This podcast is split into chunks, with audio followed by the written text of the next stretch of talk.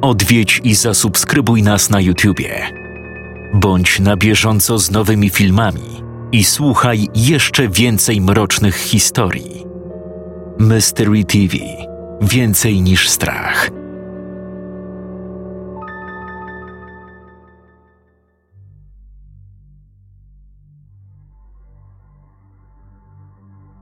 Pierwsza fala i druga, później trzecia, następnie czwarta.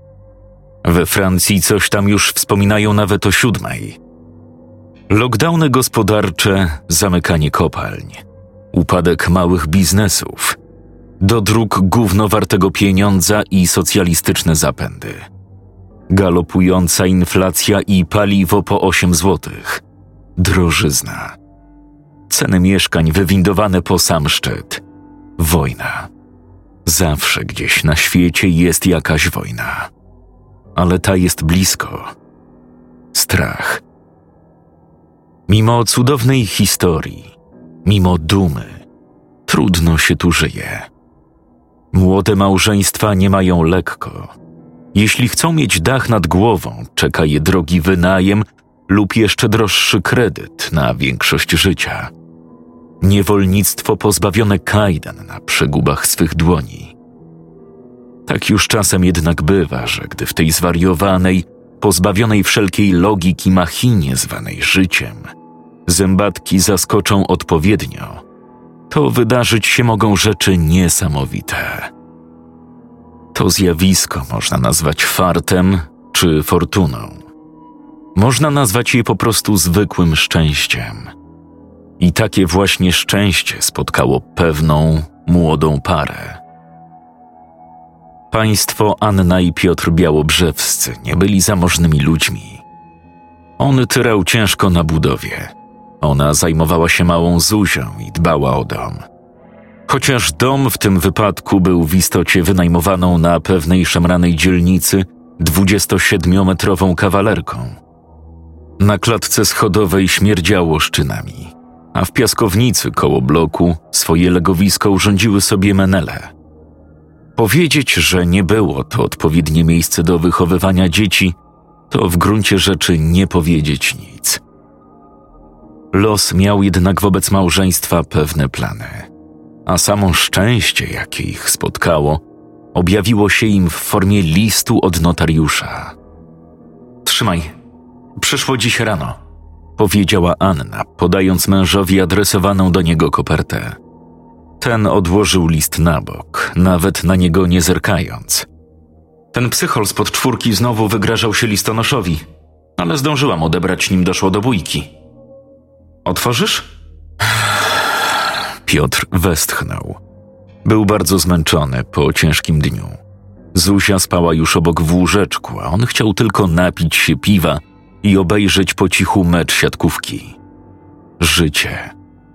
Życie nas zabija.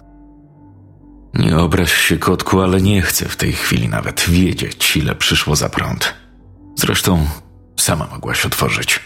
To chyba nie rachunek. To od notariusza, adresowany do ciebie. Wolałam zaczekać. Mężczyzna odłożył mocnego kustosza na gibiący się na trzech nogach stolik koło kanapy i z zaciekawieniem sięgnął po kopertę. Otworzył i zaczął czytać. Przez jakiś czas jego wzrok ślizgał się po kartce z lewa do prawa, aż w końcu spojrzał zszokowany na swoją żonę. I co? Coś się stało, czy co? No mów wreszcie. Wujek. Wujek Stefan nie żyje. Zmarł kilka tygodni temu. O, przykro mi. Wujek Stefan. Chyba nigdy go nie poznałam, ale naprawdę mi przykro, kochanie. Aniu. On chyba zostawił mi w spadku swój dom. Jedyne co Piotr wiedział o wujku Stefanie, to to, że od zawsze był skłócony z całą rodziną. Matka czasem mówiła mu, że jej brat jest cholernym narcyzem, odludkiem i dziwakiem, i że to ogólnie bardzo zły człowiek, od którego lepiej trzymać się z daleka. Nigdy jednak nie podawała żadnych szczegółów. Sam widział go może ze dwa razy w życiu i to jeszcze za dzieciaka. Być może właśnie dlatego stary wujek zostawił jemu, a nie komuś innemu w spadku swój dom, bo jako jedyny nigdy nie miał z nim konfliktu. Dom z dziwaczałego wujaszka nie należał do najpiękniejszych. Posiadał za to jedną, naprawdę istotną zaletę. Mianowicie był. I należał teraz w całości do państwa białobrzewskich. Budynek znajdował się na odludziu za miastem. Żeby do niego dojechać, trzeba było jechać dość długo przez żwirowe drogi, otoczone licznie polami i małymi laskami. Było cicho i spokojnie. Po prostu było pięknie. Czerwona Astra zatrzymała się przed domem. Piotr wyciągnął z fotelika małą Zuzię, której spływał z nosa lepki gil. Anna stanęła tuż przy nich, lustrując obiekt. Dom był stary i duży, z dwieście metrów, jak nie lepiej, wybudowany w typowym, poniemieckim stylu. Blada elewacja w niektórych miejscach była popękana, ukazując pożółkły od słońca styropian. Dach przy kominie ział pustkami po brakujących dachówkach. Niektóre okna były wymienione na plastikowe, podczas gdy inne zostały jeszcze drewniane. Betonowe schody prowadzące do frontowych drzwi osiadły lekko od swojego ciężaru, a z powstałych w nich pęknięć rosły chwasty. Przeróżnych krzewów, małych i dużych drzewek, jak i samej trawy było wkoło domu bardzo dużo. Otaczały gęsto budynek i spory kawał działki, niczym naturalny płot. Widać było, że od śmierci wujka Stefana nikt tu nie zaglądał i nie dbał o nieruchomość. Zuzia wsadziła sobie paluszek do nosa, po czym oblizała przyklejonego do niego gila. Szarpnęła się, próbując wyswobodzić się z ramion ojca. Ten postawił ją na ziemię. Koślawo, ledwo zachowując równowagę w długiej trawie, podreptała do skalniaka i zaczęła obserwować żyjące w nim robaki, gugając po swojemu pod nosem. Piotr pomasował się po karku i westchnął. No, trochę roboty będzie. Trzeba będzie poprawić dachówki, wymienić okna. No, schodami możemy zająć się później, ale na pewno najpierw trzeba ogarnąć te zarośla dookoła, bo jest piękne. Przerwała mu zachwycona żona. Co? Jest piękny. Anna pobiegła w stronę starej jabłoni. Tutaj będzie stała huśtawka dla Zuzi. A tam rozłożymy dmuchany basen. Anna rzuciła się uradowana w stronę córeczki, która zajadała się właśnie błotem. Podniosła ją z ziemi i ruszyła w stronę drzwi frontowych. No na co czekasz? Chodź! krzyknęła podekscytowana. Piotr uśmiechnął się szeroko i popędził w ślad za żoną. Zębatki zwariowanej maszyny zwanej życiem zaskoczyły jak najbardziej odpowiednio. Mijały tygodnie, a odziedziczony w spadku po wujku dom nabierał powoli właściwego wyglądu. Piotr wziął w banku nieduży kredyt na potrzebne do remontu materiały, a że fach w ręku miał, to robił wszystko sam, nie wydając ani złotówki na usługi drogich majstrów. Zniknęły dziury w dachu, a wszystkie okna były już jednakowe. Anna wzięła na siebie ciężar zaniedbanej działki, a że od zawsze marzyła, by mieć swój własny ogródek, zapału do pracy jej nie brakowało. W niedługim czasie wszystkie krzewy i drzewka były schludnie przycięte, trawa skoszona, a koło starej jabłonki, tak jak sobie wymarzyła, stała już huśtawka dla Zuzi. Mała odnalazła się w nowym miejscu i wydawała się być naprawdę szczęśliwa. Biegała koło domu za piłką, wpychała sobie do ust różne niejadalne przedmioty i rzucała znalezionymi kamyczkami czy patykami. Wewnątrz również pracy nie brakowało.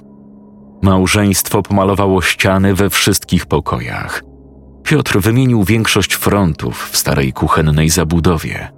Kupił nową lodówkę i zamontował zmywarkę. W końcu byli szczęśliwi. Skarbie! zawołała z kuchni Anna. Skarbie, wyniósłbyś w końcu na strych to krzesełko do karmienia? Zuzia nauczyła się już z niego wychodzić i nie daj Boże jeszcze coś sobie zrobi. Zaraz! Nie musisz mi o tym przypominać co kilka dni.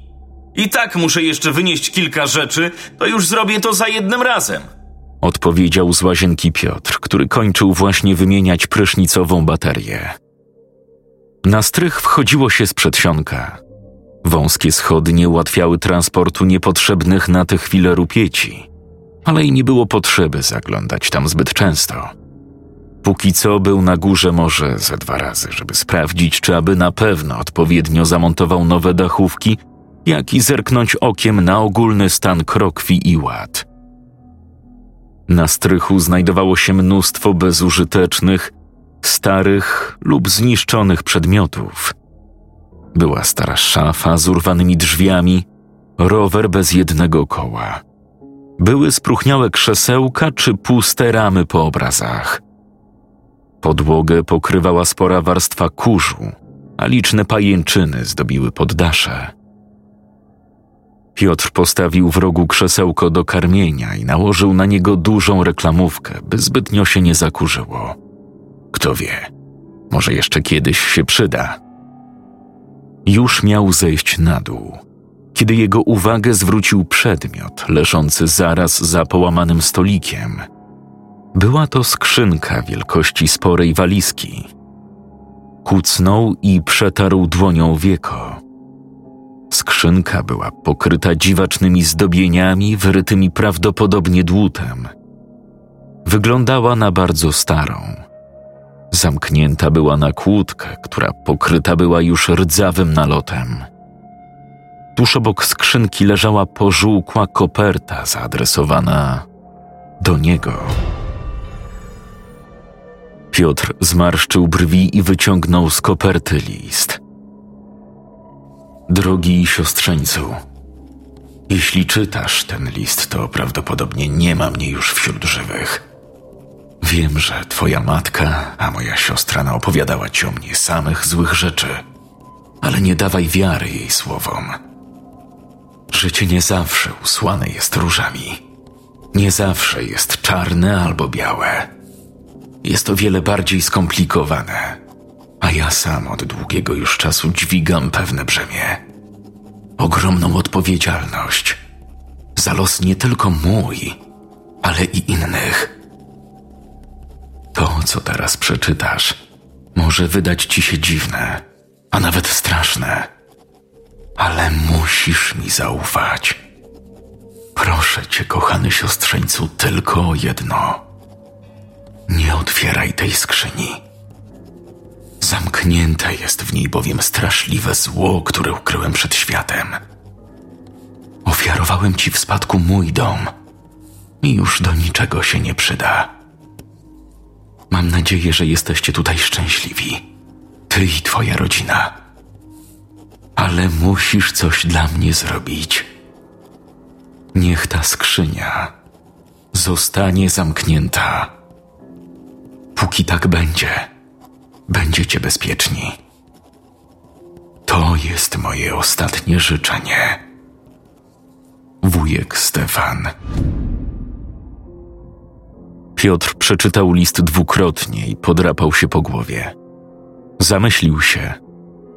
W swoim życiu obejrzał naprawdę masę horrorów. I mimo, że uważał ten list za zwykłe pieprzenie wujaszka, któremu na starość pojebało się lekko w głowie, to zdał sobie sprawę, że z takimi rzeczami, rzeczami paranormalnymi i dziwnymi, nie ma co zacierać. Nawet jeśli tak naprawdę nie istnieją. W takiej sytuacji mógł zrobić tylko jedno. Nie minęło pięć minut, kiedy zjawił się ponownie na strychu, trzymając w dłoni kątówkę do metalu. Przyklęknął przy skrzyni Urządzenie warknęło i po chwili stara kłódka leżała już przecięta na podłodze. Piotr westchnął i z zaciekawieniem uniósł wieko. Zawiasy skrzypnęły. W tym momencie obserwujący wszystko z krokwi nietoperz zakwilił przeraźliwie i rzucił się do ucieczki, starając się znaleźć jakąś lukę w pokryciu dachowym. Liczne pająki żerujące na pajęczynach w mgnieniu oka pochowały się do dziur w deskach, a za oknem rozległo się przeraźliwe krakanie jakiegoś ptaka. Piotrowi serce zabiło szybciej. Zerknął do środka.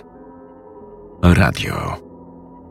W środku skrzyni leżało radio, a obok niego kaseta bez nazwy. Jak najbardziej normalne radio i kaseta. Zwyczajne przedmioty. Na oko z lat dziewięćdziesiątych, bo w dzisiejszych czasach już zwyczajnie takich nie produkują. Aha. I to ma być to wielkie, straszliwe zło? Aj, wuju, wuju. Matka chyba jednak miała trochę racji co do tego twojego dziwactwa. Zabrał przedmioty ze skrzyni i zszedł na dół. Nie od razu włożył kasetę do odtwarzacza. Chociaż był bardzo ciekaw, co takiego może się na niej znajdować, najpierw zjadł z rodziną obiad. A kiedy jego córeczka udała się na popołudniową drzemkę, miał w końcu chwilę dla siebie. Upił spory łyk wyśmienitej kawy, którą zaparzyła mu Anna. Odstawił kubek na stół i odpalił radio. Cisza. No tak, baterie. Te, które znajdowały się w środku, musiały być już bardzo stare, bo najwidoczniej energia z nich wyparowała. Szczęśliwie po niedługich poszukiwaniach odnalazł w szafce z drobiazgami pasujące akumulatorki, a radio zadziałało. Chwilę zajęło mu nastrojenie urządzenia i udało mu się wyłapać nawet kilka popularnych stacji radiowych. Zerknął na kasetę. Nie wiedział co, ale coś, jakieś dziwne przeczucie mówiło mu, by odpuścił. Jak to często bywa, ciekawość jednak zwyciężyła i załadował kasetę do odtwarzacza. Cisza. Co jest do cholery jasnej? Przez jakiś czas dłubał i majsterkował przy urządzeniu. Nie znał się jednak na starych radiach i finalnie nie udało mu się sprawdzić, co znajduje się na tajemniczej kasecie. Co począć? Może znajdzie jakiś odtwarzacz na OLX czy innym Allegro. Z drugiej jednak strony i radio, i kaseta zamknięte były na cztery spusty w skrzyni na strychu, a wujek w liście, nie wiedząc czemu, ostrzegał go przed ogromnym złem w niej ukrytym. Nie. Musi naprawić to konkretne radio. Zamyślił się i już po chwili wiedział – Znał odpowiednie miejsce, w którym na pewno uzyska potrzebną pomoc. Mężczyzna dopił kawę i udał się do dalszych zajęć, które zawsze czekają na swojego właściciela w jego domu. Następnego dnia w pracy był ledwo żywy. Nie dlatego, że był chory czy struty. O nie. Był potwornie niewyspany a to za sprawą dziwacznych, niepokojących snów, które nękały go tej nocy. Miewał czasem koszmary, ale te, te były jakieś inne. Śnił mu się ich dom. Był jakby pogrążony w rzadkiej mgle. Piotr snuł się po nim, chcąc odnaleźć żonę i córeczkę. Nawoływał je, ale mu nie odpowiadały. W końcu odnalazł Zuzię, która siedziała na podłodze na środku pokoju i bujała się na boki. Była odwrócona do niego plecami, gugała coś pod nosem. Podszedł do niej i odwrócił ją do siebie. Wtedy krzyknął z przerażenia. Dziewczynka nie miała twarzy. Zaczęła rzucać się po pokoju w opętańczym szaleństwie, drapiąc się do krwi w miejscach, gdzie powinny znajdować się usta, oczy i nos. Wydawało się, że chce wyć i płakać, lecz nie miała jak. Piotr spanikował i chciał uciec z domu, jednak kiedy wybiegł na korytarz, drogę zagrodziła mu Anna. Była trupio blada. Tłuste włosy kleiły się jej do twarzy, a oczy jej były przekrwione, prawie całe czerwone. To twoja wina. To twoja wina, rozumiesz? Zabiłeś nas. My już nie żyjemy. Nie żyjemy przez ciebie. Zaczęła się do niego zbliżać, a z ust zaczęły wypełzać jej obrzydliwe, wielonożne robaki, które spadały na podłogę. Kiedy obudził się zlany potem, Anna drzemała obok niego. Wstał i od razu ruszył do pokoju córeczki. Zuzia również słodko spała, jak zawsze. Przykrył dziecko kocykiem i wrócił do łóżka. Nie zasnął już jednak, aż do rana.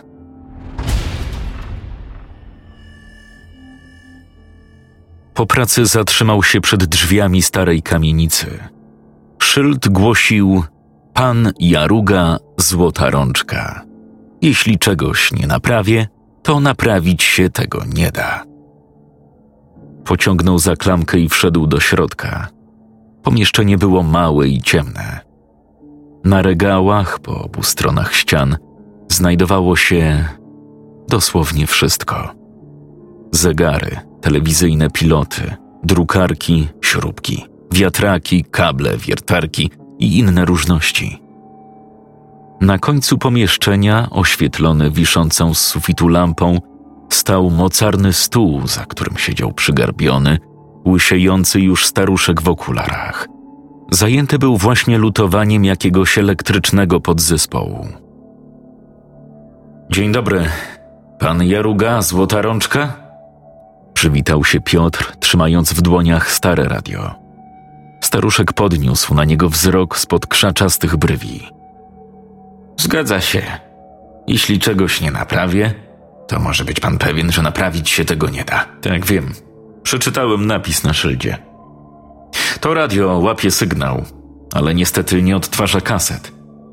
Bardzo mi zależy, by znowu było sprawne. Da pan radę coś z tym zrobić? Pan Jaruga przyjrzał się urządzeniu. Coś tam cmoknął pod nosem i zamruczał. Ta, ta, damy radę. Na jutro będzie gotowe. Piotr ucieszył się. Jak widać, legendy o tym fachowcu, które krążyły po mieście, nie były wyssane z palca. Kiedy Piotr zajechał pod dom, Anna pieliła akurat ogródek, a Zuzia bawiła się czymś na trawie.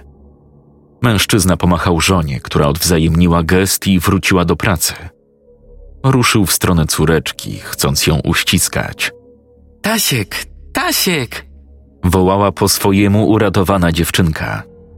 Kiedy Piotr zatrzymał się przy córce, to, co zobaczył, zmroziło mu krew w żyłach. Zuzia siedziała na trawie, a przed nią leżała martwa wrona. Zuzia, trzymając w rączce patyk, dźgała nim martwe truchło zwierzęcia. Boże święty, Zuzia, co ty wyprawiasz? To Tasiek! Anka, czy ty w ogóle zwracasz na nią uwagę? Spójrz, co ona wyprawia! Podniósł córkę z ziemi i ruszył wściekły do domu. Tego dnia małżeństwo pokłóciło się okrutnie. Na światło dzienne wyszły stare, niezabliźnione jeszcze zgryzoty i niedomówienia. Jakby tego było mało, z niewiadomych powodów wybiło szambo. Coś złego zaczęło się dziać w domu państwa białobrzewskich. Nazajutrz, po skończonej pracy, Piotr ponownie zjawił się w warsztacie pana Jarugi. Tym razem staruszek dłubał coś w rozkręconej do połowy mikrofalówce. Dzień dobry. Przyniosłem wczoraj radio. Udało się je panu naprawić? Fachowiec podniósł wzrok na mężczyznę i patrzył na niego przez chwilę, zastanawiając się nad czymś. A, radio, radio, radio, radio, a tak, tak, tak, działa. Y, To była mała usterka, naprawdę drobiazg. Wyciągnął spod lady urządzenie i położył je na stole. Gdzieś miałem tu jakąś kasetę. Zaraz znajdę, żeby mógł pan sprawdzić. No gdzie to cholerstwo jest? Staruszek zaczął grzebać w szufladach, ale Piotr od razu go powstrzymał. Nie trzeba, pan da spokój z tą kasetą.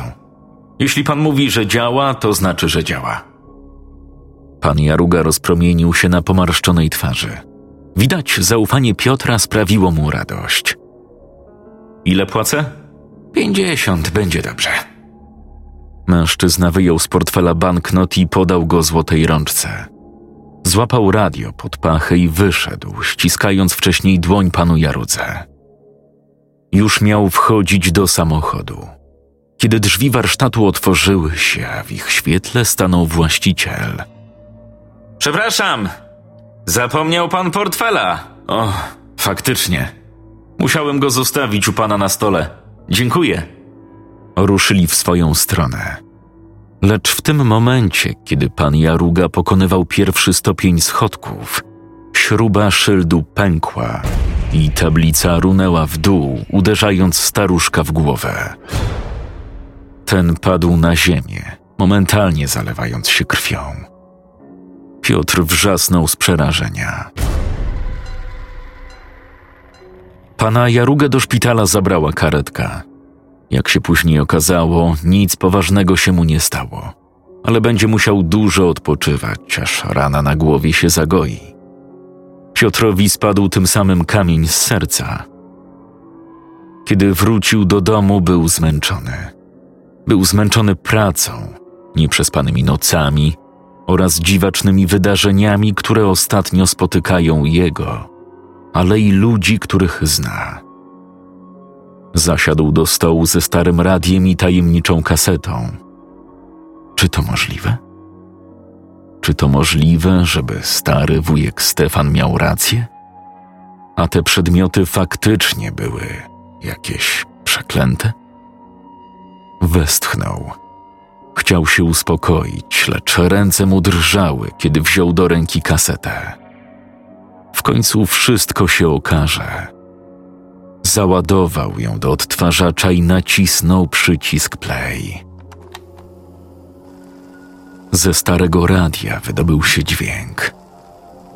Piotr zbladł. Matko Boska. Boże miłosierny, tylko nie to. Wujku, jak mogłeś być takim chorym zwyrolem?